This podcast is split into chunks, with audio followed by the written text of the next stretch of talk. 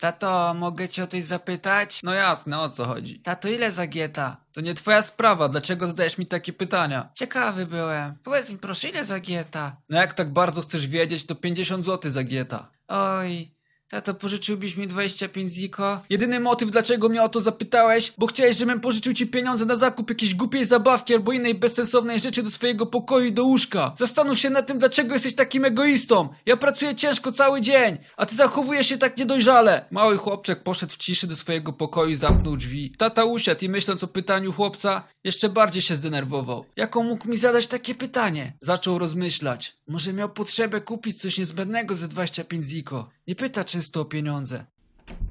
Śpisz, synku? Nie, tato, nie śpię. Tak sobie pomyślałem, że może byłem zbyt surowy dla ciebie. To był naprawdę ciężki dzień dla mnie i wyładowałem się na tobie. Oto 25 ziko, które mnie poprosiłeś. Ach, dziękuję, tato. Po czym spod poduszki wyciągnął pomarszczone banknoty. Mężczyzna, zobaczywszy, że chłopiec miał pieniądze, zaczyna się denerwować. Dlaczego chcesz pieniądze, skoro je masz? Ponieważ nie miałem wystarczająco, ale teraz już mam.